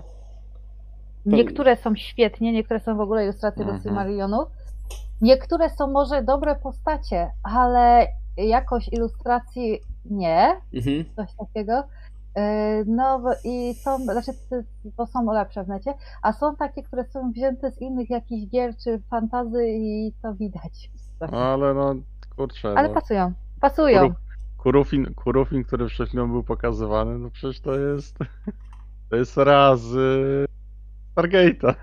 Tak, tak.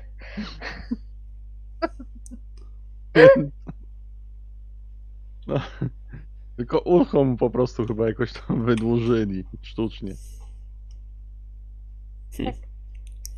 Ciekawe. Mm, No tak, a jeszcze wracając do tych żetonów wypaczenia, e, to właśnie oprócz Dreadful Death mamy jeszcze, jest jeszcze jakaś karta, która pozwala te wypaczenia chyba ściągać. E, Pingon Fingon. Na pewno.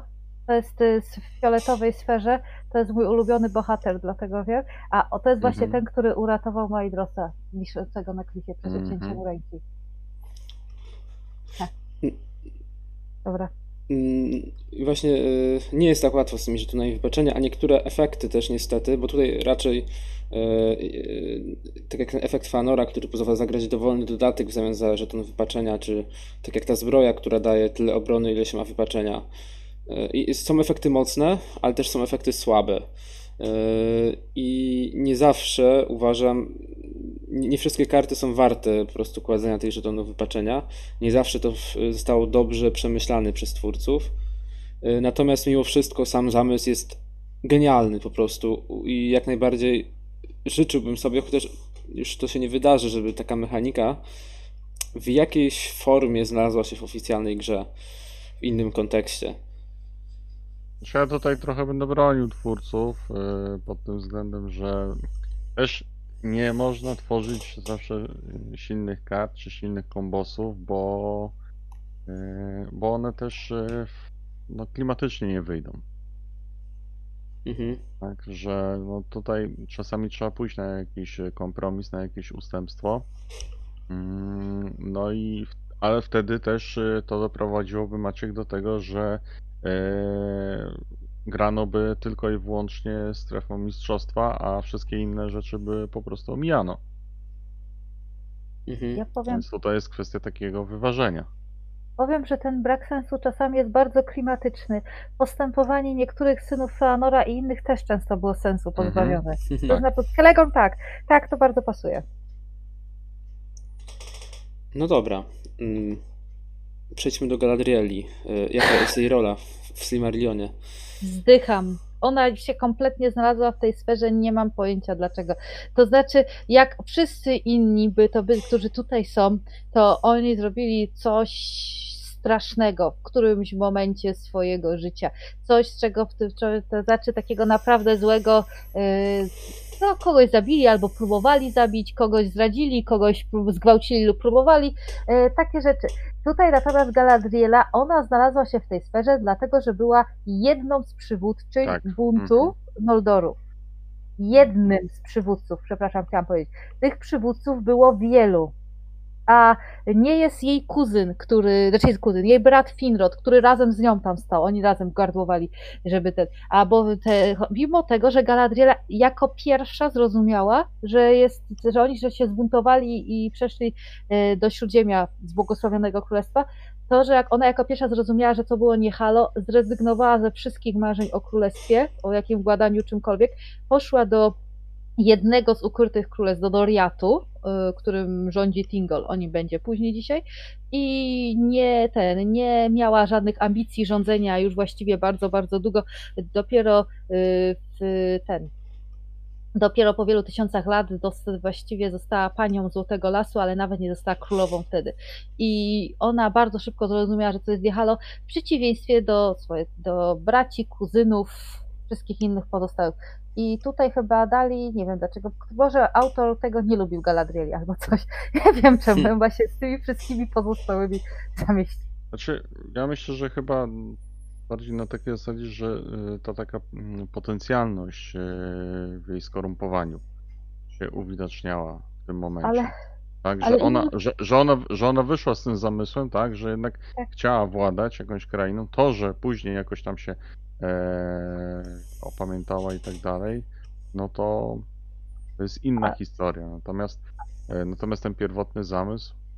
ale Nie wiem, nie, powiem- wiem, nie, wiem, nie, wiem dlaczego, nie wiem dlaczego ten efekt e, X jest u niej taki zawarty. To mnie, to mnie bardziej zastanawia niż to, że została wrzucona do strefy mistrzostwa. Nie, ale to jest, e, nie powiem, że ona potencjalnie, ale inni byli całkowicie niepotencjalnie, bo ten, kinetycznie, nie kinetycznie, ale tak całkowicie normalnie, ale e, i, i oni nie są w strefie mistrzostwa, a ona jest i właśnie to mnie tak zastanawia, bo tak, bo brat Finrod chociażby stał się panem największego królestwa w Beleriandzie, to dokładnie zrealizował to, co chciał Y, i rządził, y, zaniósł kaganek oświaty tym nieoświeconym elfom ze Śródziemia i rządził największym królestwem, jakie tam było w ogóle. A ona nawet, ona zrezygnowała już wcześniej z tego. I, i no, i, i to jest właśnie. Potem, a potem Lubię. Galadriela nie pojawia się, teraz nie pamiętam czy jako sprzymierzenie, czy jako bohater ze strefy wiedzy? y, w, Nie, tutaj w, Nie? nie, nie, nie. To chyba, to chyba gdzieś mi się po prostu mignął z czymś innym. Dobra. mhm. Y, Faktycznie, Łukasz, ten efekt, który mówi, że ona ma tyle obrony, ile ma e, siły zagrożenia, aktywny obszar, jest taki zupełnie z czapy chyba. Zastanawiam się, powiedzmy, ten drugi efekt, który mówi, że można położyć trzy żetony wypaczenia na niej, żeby y, odrzucić y, właśnie wybraną kartę spotkania. Czy to ma jaki, w jakiś sposób odwołuje się do tego, co ona robiła? w pierwszej erze? Mhm. Nie. Mm, Nie, bardziej to pasowało jak dostała pierścień. To tak. Mhm. Mhm. Y, Niewątpliwie jest to ciekawy efekt, ale no, faktycznie tak trochę no, nie do końca pasuje. Niemniej jednak jest to bardzo silny bohater y, przez ze względu na swoje trzy siły woli i ze względu na to, że jest y, lepszy, no dobra, le, lepszy może nawet od dwóch pozostałych bohaterów z tej sfery, których zaraz pokażemy. Mm, Dlatego się bardzo fajnie sprawdza ta Galadriela w talii z tymi swoimi trzy siły woli. Bo również te trzy siły woli możemy wykorzystać na potrzeby wybaczenia na przykład z, z różnych efektów wydarzeń. No dobra. Mm, Tingol. Znaczy, No tak. Przepraszam, śmieję się. E, W naszej części fandomu nazywamy go bucem czasami. Chodzi o to, że on był porządny, przez długi czas był porządnym królem. On w ogóle jest e, gościem, elfem, który wyrwał Majarkę, odpowiednika aniołów w świecie Tolkiena. I on się z nią ożenił. On w ogóle przez to nie popłynął na zachód z pozostałymi elfami i część, z pozosta- i część właśnie elfów razem z nim została, on założył królestwo. Jego żona, bardzo potężna istota, założyła specjalną obręcz wokół królestwa, która była właściwie nie do przejścia dla wrogów. E, bardzo duży, bardzo duży. On rządził. Jak mu się Noldorowie zwalili właściwie do, do, do Śródziemia, no to tam on pozwolił mieszkać poza swoim królestwem. E, ale no i miał jedną córkę. Pół elfa, pół majara, czyli pół, właściwie pół anioła. I te, ta, to była najpiękniejsza elfka, najpiękniejsza istota właściwie w Śródziemiu. I ta córka zakochała się w człowieku, który i, i te, jak się o tym Tingle dowiedział, to on zrobił rzecz straszliwą. Co prawda złożył jej wcześniej przysięgę, że nie zabije jej ukochanego, więc on postawił go nie zabić, ale właściwie postawił go przed zadaniem, którego spełnienie właściwie było niemożliwe i które właściwie było zabiciem tego ukochanego. On przeżył, wiad- czy nie, on zginął, tak, ale potem wrócił do życia. Ale y, właśnie, bo on powiedział, że swoją córkę odda, jak on mu przyniesie Silmarilla, czyli sprzedał właściwie swoją prawa do swojej córki za klejnot, który był w koronie władcy ciemności w tym momencie, stworzony przez Feanora. I to, co zrobił, to, y, to właściwie on się wplątał w tę całą, y, w tę całą sprawę z Silmarillami. I to mu y, bardzo później zaszkodziło. Y, Ogólnie on też uwięził swoją córkę, żeby ona nie ruszyła na pomoc swojemu kochanemu. To, to oczywiście też uciekła. Y, Tamtego y, w ogóle potem musiał, było, że serce mu się odmieniło i zaczął żałować tego, co zrobił. Cimarilla dostał po pewnym czasie. Jego, dzieci, jego córka i ukochane córki umarli, ale wrócili do świata żywych i się wyprowadzili daleko od te, taty i teścia. Y, No, ale potem on sam y, no, tego Silmarillion go coraz bardziej, którego posiadał w swoim skarbcu, coraz bardziej nęcił. W pewnym momencie kazał, krasno, zlecił krasnoludom sprawienie tego Silmarilla w bardzo piękny naszyjnik krasnoludzkiej roboty. Będzie, dziś będzie on przedstawiony, bo on jest też w strefie właśnie mistrzostwa jako dodatek. I y, krasnoludowie, którzy to zrobili, teraz są dwie różne wersje. Albo oni nie chcą zapłacić, albo oni postanowili go ukraść. W każdym razie zaczęli ze sobą walczyć, Tingle zginął. Zginął przez Silmarilla, tak. I on, no. no I to jest je- jego właściwie historia. Tak, on, on tak jeszcze słynął z tego, że on zakazał na terenie Śródziemia mówienia w języku elfów błogosławionego królestwa i że właśnie tylko mowa jego miała być. I, i że tak dość olbrzymi sankcjami groził stosunku do tych, którzy tej mowy skorzystali. A że również Dobra. ma chrapkę na Silmarilliona, dlatego ma efekt, y, jeśli mamy jakąś w grze jakąś postać z, z domu Feanora, to właśnie jego siła woli jest równa 1 na potrzeby efektów wypaczenia.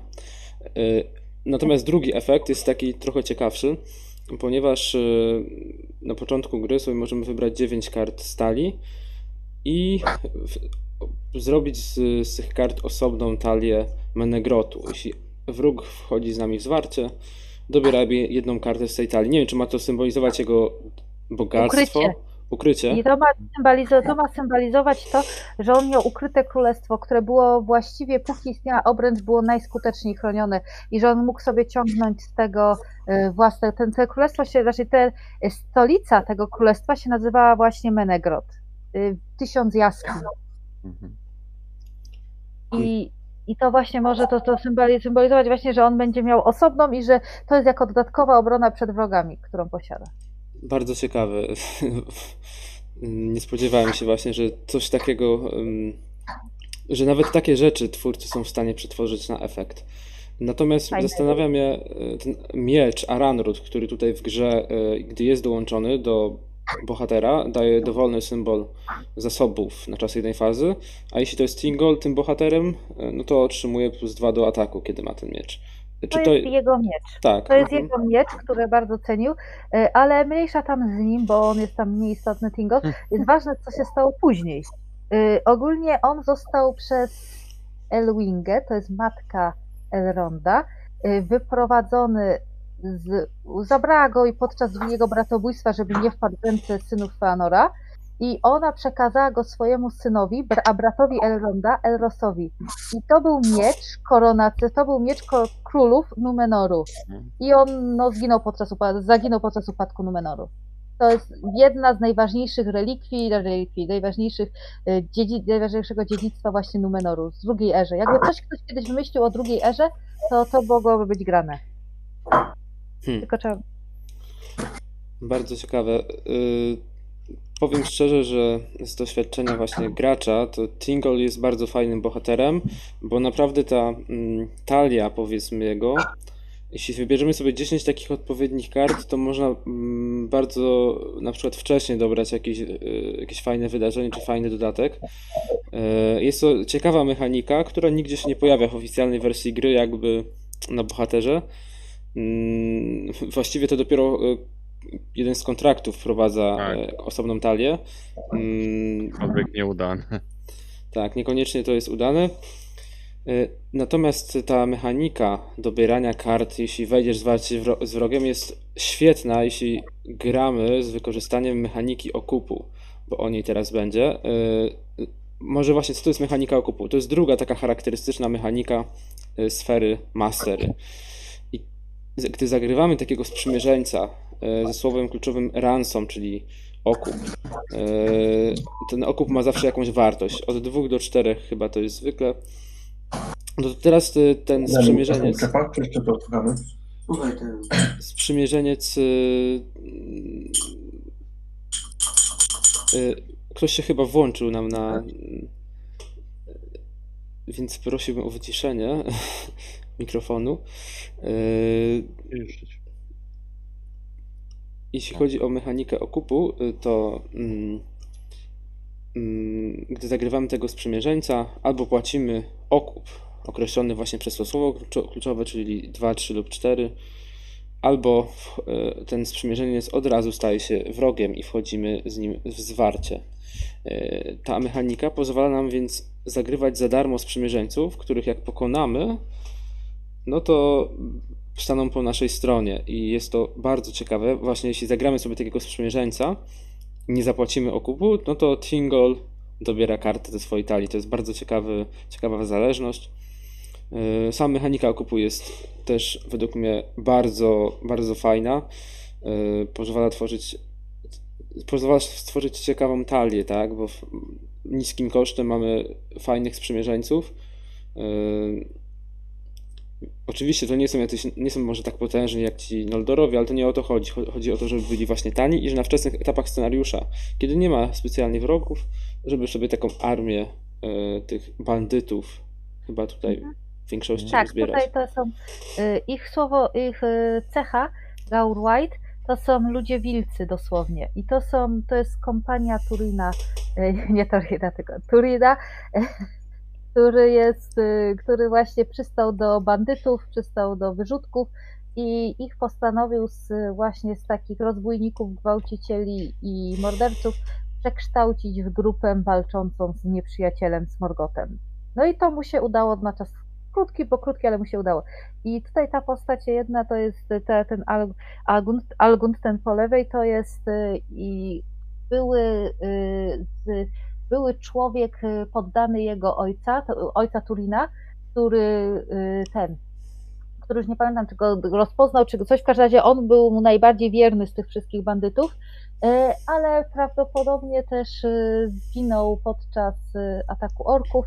Pozostali to są tacy zwyczajni jacyś, bez, Mhm. nieunikalni.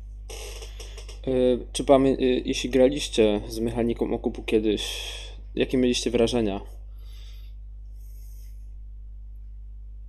Łukasz? Łukasza nie wiem, nie ma na chwileczkę. Aha, dobra. Gosia, grałaś kiedyś z mechaniką okupu? Nie. Nie grałaś.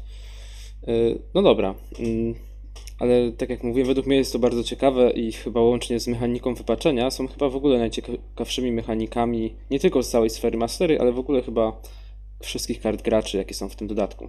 A jak już była mowa o Turinie, yy, no to oczywiście, aha, jeszcze może dopowiem, że tych sprzymierzeńców z taką okup jest więcej niż czterech, o których yy, tutaj pokazaliśmy. Podaję, że jest ich sześciu. Mm, Najciekawszy według mnie jest Gu- Guarvite Watchman, który ma dwa siły woli i dwa ataku. Eee, Trzy okupu, ale jednak dwa siły woli i dwa ataku to bardzo, są bardzo fajne statystyki. Eee, Zawsze go wkładałem do talii, kiedy grałem na talii Mastery. Mhm. Mm, Tak. I tutaj dalej mamy Turina, bo o nim była mowa. Tak, przepraszam, musiałam wzdychnąć. To jest człowiek, to jest już człowiek, człowiek, człowiek, który niby raczej tak, niby tak, tak był mocno. On był y, objęty klątwą Morgota, czyli tego czarnego nieprzyjaciela świata. Go przeklął, w sensie jego ojca przeklął, przeklął ojca i jego ród, czyli też Turina. Ale ten człowiek to była chodząca porażka. Jak było ileś dróg do wyboru, to on zawsze wybierał najgorszą. I to nie nawet przez tyle przez co przez własną arogancję, dumę, agresję, upór i pychę. W ogóle on, jak były jakieś możliwości, to on robił, jak było możliwe, żeby zrobić coś głupiego, to robił coś głupiego. Oczywiście też go spotykały nieszczęścia, na które nie miał wpływu. Yy, w pewnym momencie się ożenił z własną siostrą, bo nie wiedział, że miał siostrę, a siostra straciła pamięć, bo jej smog namieszał w głowie. No to nie była jego wina. Yy, Zabicie tego swojego najlepszego przyjaciela to też nie była jego wina, bo on w tym momencie e, był, e, miał gorączkę, był w niewoli worków i jak go zaciął mieczem przez przypadek, jego przyjaciel uwalniając go z więzów, to ten pomyślał, że go dalej orkowie torturują i zabił swojego przyjaciela, chwycił miecz i go zabił. Ale ogólnie Turin w pewnym momencie na przykład e, postanowił e, zbudować most prowadzący do jednego z ukrytych królestw, nie tego rządzonego przez Tingola, innego ukrytego królestwa elfów.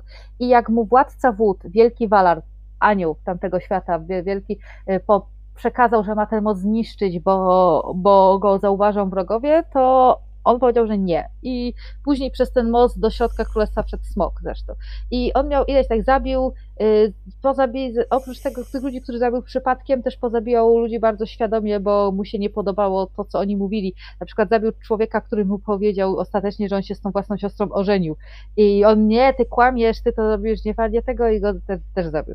On był po prostu taki bardzo agresywny, myślał, no i y, wiele razy próbował zacząć od nowa swoje życie. I za każdym takim momentem, kiedy próbował zacząć swoje życie od nowa, to przyjmował nowe imię. I tu jest bardzo duży potencjał. To znaczy jest więcej, on ma więcej imion niż dodatków powinno być w cyklu, czyli ma więcej niż sześć. Tutaj te imiona, które co są, to one coś znaczą. Jako pierwszy jest Nathan, czyli skrzywdzony. Y, Skrzywdzony, on jak przystał do banitów właśnie, do tych ludzi, ludzi wilków, y, to, jak do Gaur White'ów on przystał, to on takie imię sobie y, przy, przybrał. Potem jak on ich uporządkował właśnie właściwie, właściwie w armię, którą walczył z nieprzyjacielem, to jego imię to było Gortol, straszny hełm. Ten hełm był dziedzictwem jego rodu, który dostał. Potem, no jak orkowie tę bandę rozbili po zdradzie krasnoluda Mima i po tym jak zabił swojego przyjaciela, którego tych orków uwolnił, y, on trafił do tego drugiego ukrytego królestwa elfów Nargotrondu i tam z kolei on przybrał imię inne Agarwaen, czyli splamiony krwią, ale jemu nadali imię Czarny Miecz, Mormegil. Tutaj ono jest. Y, I on, y, ten Mormegil oznaczał czarny miecz, który ten Turin posiadał, to znaczy zabrał. z- za- To był miecz tego jego przyjaciela, którym on go uwalniał i on go, on go zabrał. Nie pochował go z tym mieczem, tylko go wziął sobie i później go przekuto dla niego w Nargotrondzie i on mu nadał imię właśnie Gurtang, y, czyli y, ten, y, czy, czy to tutaj, tutaj on jest y, obok, też on pokazany. I to był wredny miecz bardzo. Ostatecznie się Turin zresztą na niego rzucił, y, kiedy on mu wszystko wyszło na jaw, że on się tą, rzeczywiście z własną siostrą że zabił tamtego człowieka, którym o tym pierwszy powiedział niesłusznie, że to wszystko było do tej pory, co, co, że, kiedy doszedł do niego ogrom złych rzeczy, które on zrobił w trakcie tego swojego życia, on się rzucił na swój miecz Zresztą przemawiając do niego chwilę przed, miecz mu odpowiedział, że chętnie go zabije, no i zginął w taki sposób. I jest jeszcze tutaj maska Turina, zresztą którą miał, to jest y, maska, którą na wzór krasnoludzki, którą nosił y, w, w tym, w, podczas właśnie jak dowodził armiami Nargotronu, czyli tego ukrytego królestwa elfów. Ona była, e, ona była zrobiona w przerażający sposób ukształtowana, bo krasnoludowie takie nosili, żeby przerażać swoich wrogów. Zawsze mnie zastanawiało, jak one wyglądały, skoro e, oni walczyli z orkami, którzy widzieli najgorsze rzeczy w Angbandzie, jakie były możliwe. Więc teoretycznie to powinno być coś pięknego stworzonego, a nie, nie obrzydliwego, no ale to była bardzo dobrze chroniąca przed ogniem. Zresztą, świetnie zrobione przez krasnoludów. To jest właściwie wszystko. O, znaczy, no o Turinie można dawać, robić dużo. Yy, tragiczna postać, ale dużo z własnej winy. Tak, i tutaj też y, to jest właściwie jedna z najważniejszych takich postaci. Może on nie jest najważniejszą postacią w Silmarillionie, ale w tym pewnym wycinku historii on jest najważniejszy, tak? I właściwie jest z nim związana historia, która uważam osobiście, że jest jedną z paru najciekawszych historii przedstawionych w Silmarillionie. Dopowiem Dzieci Hurina, to jest książka, ona jest właściwie wycinkiem z Silmarillionu. To jest książka, która, znowu, to jest książka, w której yy, spoiler olbrzymi, właściwie wszyscy giną. Mam parę, na palcach jednej ręki można policzyć osoby, które coś mówią w trakcie tej książki i żyją na końcu.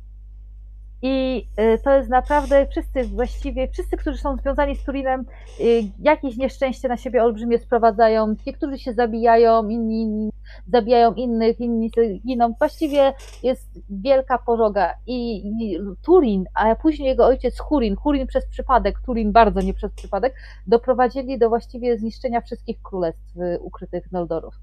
Przez, no, no więc to jest bardzo, no, tragiczne. Tak. Y, Jeśli chodzi o przedstawienie tutaj Turina w grze, to jest to bohater, który ma jeden siły woli, dwa ataku, dwa obrony, cztery życia. Za jeden zagrożenia można e, mu dać plus jeden do ataku. I jeśli y, otrzyma on obrażenia, to można zamiast otrzymać te obrażenia, można odrzucić postać, tak? Czyli właśnie to jest to sprowadzanie nieszczęść na osoby go otaczające. Mm, powiem szczerze, że to jest najsłabszy z tych czterech bohaterów, którzy się mieszczą w sferze Mastery.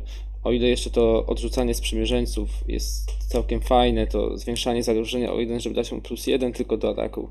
No niestety nie zdaje egzaminu. E, Też ma tylko jedną siłę woli, więc na, efekt, na potrzeby efektu wypaczenia no niestety się nie przyda. Mm, Jeśli chodzi o dodatki, Nathan, zacznijmy właśnie od tego pierwszego imienia, które miał, kiedy się bratał z tymi Guarwajtami, z ludźmi wilkami.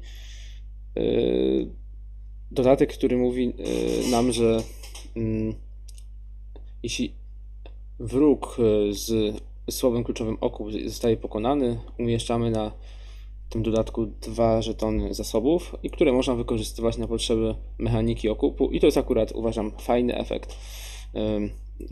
Ale później jest na przykład Gortol, tak? Ym, To imię, jeszcze raz Gosia przypomnij, to imię on miał. Y, No, ten Gortol to oznacza straszny he- hełm. Mhm, tak, czyli to postrach orków w jakiś sposób yy, symbolizuje. Ym, Tutaj dzięki temu dodatkowi Turin otrzymuje fioletową sferę. No i jest taki dość średni efekt, uważam. Za dwa zagrożenia można go przygotować. No, w oficjalnej wersji gry mamy Boromira, którego za jeden, jedno zagrożenie się przygotuje. No, dwa zagrożenia to jest chyba trochę za dużo już. Mm, Mhm. Jest Mormegil, to imię, które miał, kiedy był w Nargotrondzie, mm, który daje mu czerwoną sferę. Obniża wszystkim wrogom siłę zagrożenia o 1, ale też niestety koszt zwarcia o 10. I druga część właśnie tego efektu, że 10 z- koszt zwarcia wrogów obniżony, no trochę robi jednak, uważam, problem. Gurtang, ten miecz y, legendarny, na którym zginął Turin. Tak, bardzo. A, i on im, ale nie powiedziałam tego. Turin zabił smoka, naj, n, takiego bardzo straszliwego, który tego, no, tym, tym samym mieczem, a później sam siebie też zabił. Tak, Tak, i to jest y, ciekawe. W ogóle ten smok był jeszcze większy od Smauga chyba, tak? o dużo, ale nie umiał latać. ale był super inteligentny i on był tak zły i inteligentny, że Smaug przy nim może się chować. To on właśnie też dużo nieszczęść na tę rodzinę, y, na Turina i na tych. On sprawił, że siostra Turina straciła pamięć i nie pamiętała, że ma brata. Mhm. E, Miecz oczywiście oprócz dodania nam jeden do ataku e, sprawia, że daje taką loterię powiedzmy. Odrzuca- Dorzucamy wieszczą kartę stali spotkań, jeśli to podstęp, e, to bohater ginie. Tak, bohater ginie. Ale jeśli to nie jest podstęp, to ginie przeciwnik. E, Jest to bardzo klimatyczne, chociaż powiem szczerze, że chyba nigdy tego nie użyłem, bo się zawsze bałem za bardzo. Mm, Natomiast jeśli chodzi o pozłacaną maskę, to tutaj również jest związek e, z tematem. Właściwie jeszcze na chwilę wrócę do tego Mormegila. Zmniejszenie kosztu zagrożenia o 10 wrogów ma związek z, z tą budową mostu, tak? Tak. Mm, Świetnie Tak, jest to tutaj wszystko oddane. pasuje. Gortol do tego, ten wcześniejszy z tym hełmem, do tego, że on wtedy zaczął wzywać wszystkich ludzi do walki z Morgotem, dlatego ma zasoby. I że on właśnie może tych sprzymierzeńców y, ten. Wszystko, bardzo klim- klimatyczne jest niesamowicie wszystko.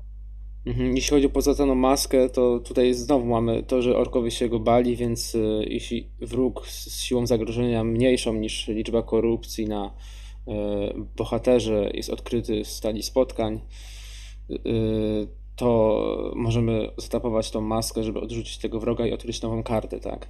Czyli ten wróg ucieka od razu. Mm. Jedyny właśnie problem tych wszystkich dodatków jest taki, że nie są one specjalnie silne, są po prostu bardzo klimatyczne. Ja to bym widział jednak, żeby taki Gortol e, kosztował na przykład zero zasobów, tak? E, No nie wiem, być może te inne też, bo ten Turin niestety tutaj trochę jest. Ja powiem szczerze, że niewiele grałem tym Turinem e, w te scenariusze z pierwszej ery, bo po prostu on jest trochę za słaby, a scenariusze są bardzo, bardzo trudne. I lepiej jest po prostu wziąć Feanora, Tinkola czy Galadriela. Mhm. Yy, Tak. tak, i bardzo fajnie on łączy się z tą mechaniką okupu, tak? To bardzo fajne powiązanie zrobione. Znów po prostu ogromna dawka klimatu. No dobra, do bohaterów yy, właściwie już wymieniliśmy wszystkich. Był Feanor, była Galadriela, Tingol, Turin. Yy, wymieniliśmy braci Feanora.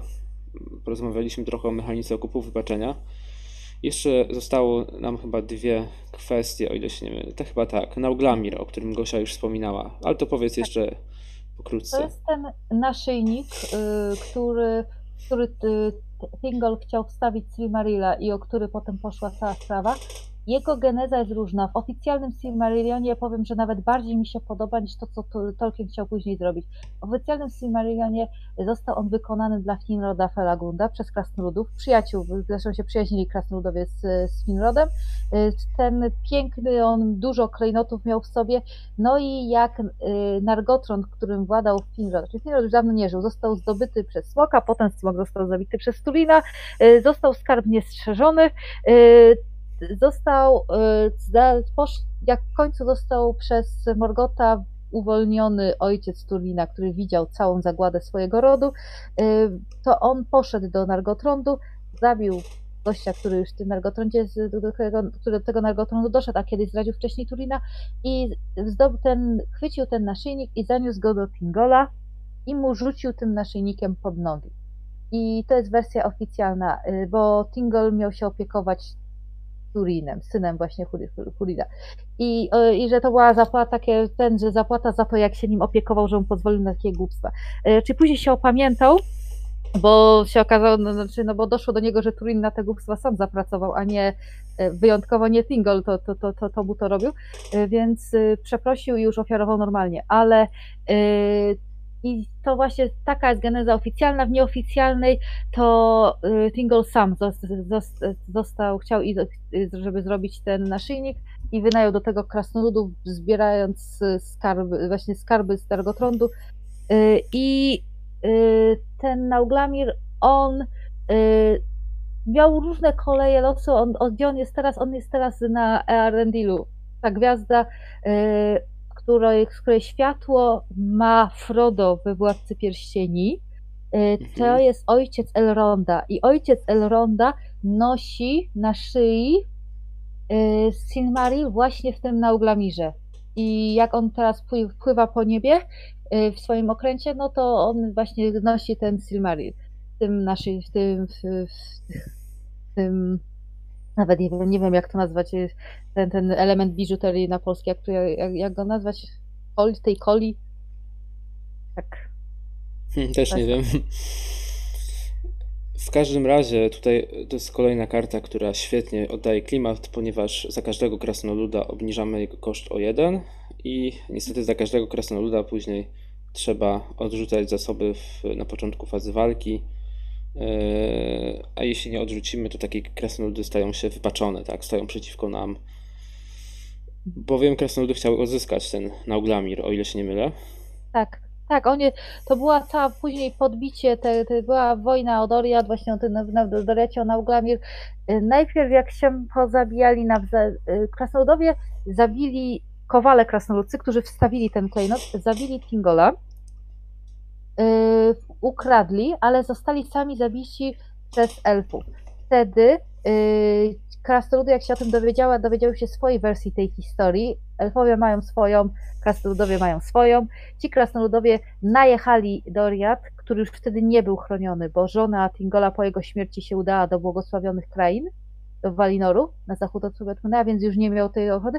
Zupili, podbili, zupili Doriad, ukryte królestwo, ukradli ten Nauglamir, ale po drodze zostali zaatakowani przez zięcia Tingola, czyli Berena, ukochanego Lutien, no i y, potem właśnie, no to, to koniec, historii Nauglamira już z krasnoludami, bo y, Beren ofiarował ten Nauglamir swojej żonie.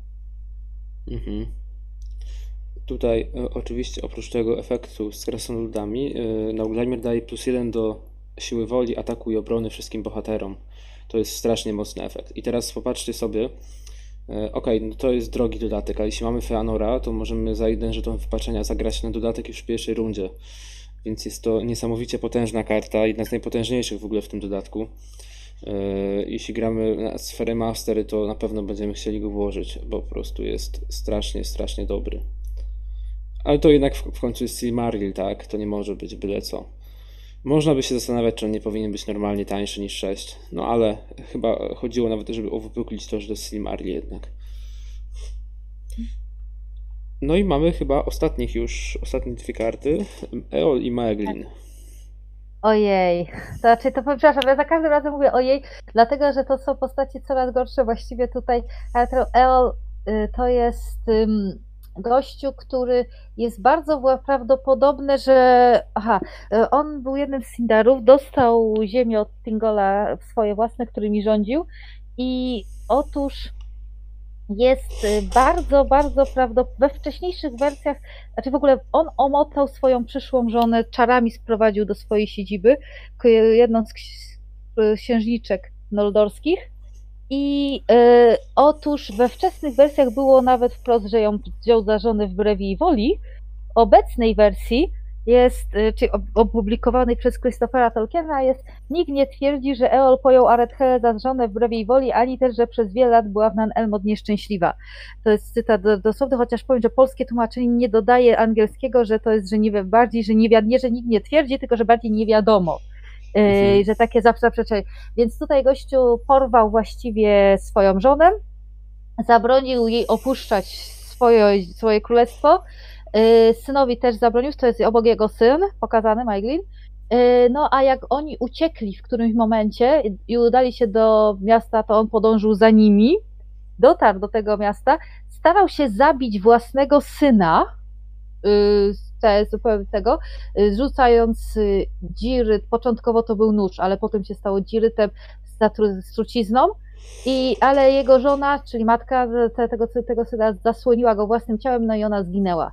I został y, za- skazany na śmierć i zabity. To jest właściwie jedyna egzekucja w państwie elfów, jaka jest opisana, to jest właśnie tego człowieka przez brata żony, y, który był królem Gondolinu, tego trzeciego ukrytego królestwa elfów. I z kolei jego syn, on był, ten Maeglin, ten obok, on był opisywany no początkowo jako dość fajny, tylko że no właśnie on pomógł swojej, swojej matce uciec, y, oni on się nią opiekował podczas tej drogi, po, a potem w Gondolinie też go, go został, zaopiekował się nim wujek, e, bardzo go cenił, go właściwie swoim następcą, e, dla swojego następcę kreował, e, no ale ten, ale Maiglin, on się zakochał we własnej kuzynce, która z kolei czuła, że coś jest nie tak i się starała go unikać. Wszyscy go lubili, oprócz właśnie tej kuzynki. I y, potem zresztą kuzynka, jak się jak wyszła za mąż za człowieka Tuora, to on coraz bardziej nienawidził i jak on też łamał zakaz królewski i on wychodził poza te ukryte miasto, został podczas jednego razu złapany przez orków, zaprowadzony przez nieprzyjaciela i się za, załamał. To znaczy nawet go nie torturowali, ale się załamał i tym bardziej jak Morgoth mu obiecał, że on go uczyni królem Gondolinu i będzie mógł się ożenić z swoją kuzynką wtedy, to on yy, i teraz albo po prostu wy, w jednej wersji wydał, gdzie jest ukryte miasto, jak się do niego dostać, ale taka bardziej ważniejsza wersja, on jeszcze zobowiązał się dodatkowo, że sprawi, że y, łatwiej będzie zdobyć Morgotowi ukryte miasto. On wrócił i nie zachował się jak normal, normalnie, czyli nie zostawił żadnej notki dla wujka, wiesz co, po, może powinniście uciekać stąd, bo, bo przyjaciel wie, gdzie jesteście, tylko się zachował normalnie, a jeszcze potem, jak zaatakował Morgot y, Gondolin, to sabotował wszystkie starania obrońców, wysyłał sprzeczne rozkazy gdzieś tam w jedną, w drugą stronę i postanowił porwać Idril, swoją kuzynkę, y, i się ją porwać, zabijając jej synka, wtedy miał około 6, kilka lat on miał, rzucając, ale mąż y, tej kuzynki, Tuor, on go zabił, na, w sensie go, go stoczył pojedynek i go zabił.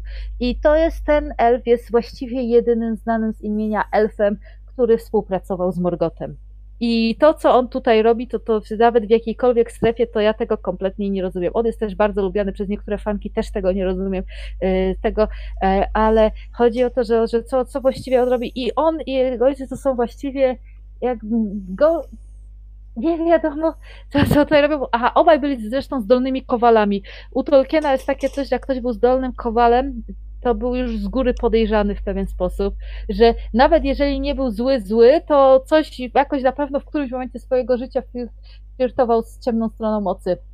Tutaj oni byli kowalami, przyjaźnili się z krasnoludami, co też y, było często mm, w pierwszej erze bardzo takie, co, co też coś znaczyło, że coś, coś było z daną postacią, nie tak sprawiał dobre stosunki z krasnoludami, tak dziwne, tak, ale tak, tak było. Y, I y, ten, i właśnie wiele takich postaci bardzo negatywnych się przejeździło z krasnoludami i oni stworzyli Eol, ten po lewej, stworzył ten miecz Turina Turambara, późniejszy, późniejszy miecz Turina Turambara. Mhm. I tutaj również y, ich efekty. W ogóle efekt Maglina też po prostu świetnie oddaje y, to, co on zrobił, że zdradził położenie gondolinu. Mianowicie, jeśli aktywna lokacja zostaje zeksplorowana, to, to otrzymujemy jeden zasób na bohatera. I mhm. to pokazuje, powiedzmy, że to odkrycie gondolinu przez Morgota miało przynieść Maglinowi korzyści. Mm, to świetnie oddaje. Jeszcze jak położymy dwa, że y, możemy położyć dwa żetony zasobów nawet i za, za jeden żeton wypaczenia na, na tym bohaterze.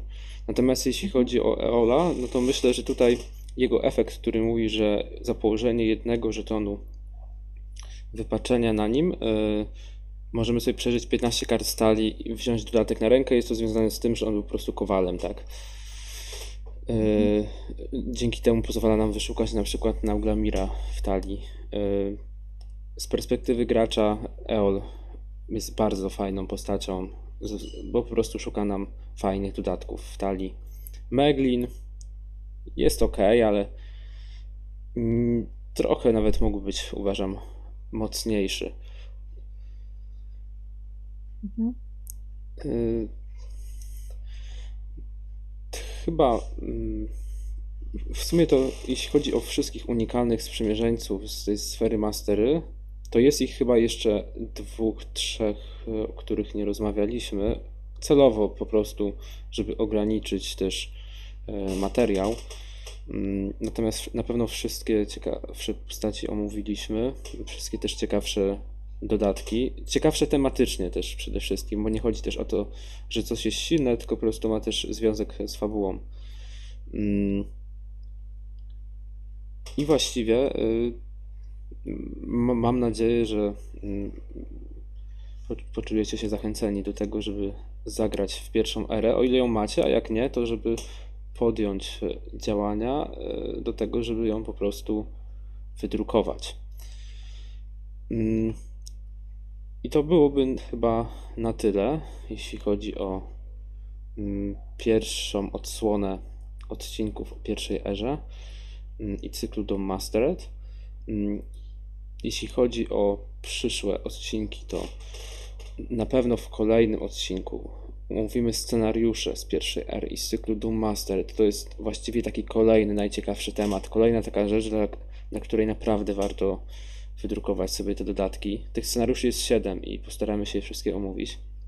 Jeśli chodzi o Mhm. jeszcze kolejne y, nagrania, no to mm, na pewno y, porozmawiamy sobie o bohaterach innych sfer, ale to już powiedzmy y, zobaczymy w trakcie, czy jak bardzo szczegółowe będą te mm, rozmowy. Mm, No i co? Jakieś ostatnie słowo jeszcze, Gosia? Ach, że zachęcam do przeczytania Silmarillionu, chociaż może on trochę odrzucić potem od grania strefą mistrzostwa, jak się dowiecie, co właściwie zrobiły te postacie, którymi tutaj gracie. Tak może mnie teraz zniechęcić. Tak, no jeśli ktoś y, czytał Władcę Pierścieni, a nie czytał jeszcze Silmarillionu, y, a też powiedzmy lubi takie y, skomplikowaną fantastykę, tam nawet no, biec do księgarni i kupywać po prostu od razu. Os- Osobiście to jest jedna z moich ulubionych książek. Podejrzewam, że w przypadku twoim Gosia również. Tak, Silmarillion jest y, przecudowny. Bardzo, bardzo polecam. y, Ale weźcie się za niego dopiero wtedy, jeżeli Wam się spodobają dodatki do Władcy Pierścieni. W podobnym stylu pisane. Tak, no nie jest to prosta lektura i też nie wszystkim się y, spodoba, jednak naprawdę, naprawdę warto. Mm, No więc co? Mm, Dzięki Ci Gosia za dzisiaj. Ja bardzo dziękuję za zaproszenie. Y, Będziemy jeszcze korzystali w kolejnych odcinkach z Twojej pomocy. Y, Dzięki, Dziękuję. dzięki Łukasz, który chociaż już Ciebie nie ma teraz, kiedy kończymy to nagranie. Y, No i co? Jeśli macie jakieś y, pytania, no to piszcie na Facebooku albo jeszcze teraz przez chwilę. Mm, Mam nadzieję, że się podobało. I, aha, jeszcze może taka ostatnia rzecz. Oczywiście za dwa tygodnie na czacie nie będziemy rozmawiali o pierwszej erze, temat będzie na pewno inny jakiś, tak? E, Ten cykl o pierwszej erze e, będzie się gdzieś tam przewijał raz na jakiś czas, jednak na pewno nie będzie to na każdym czacie. Tak więc do zobaczenia za tydzień na streamie. Na razie.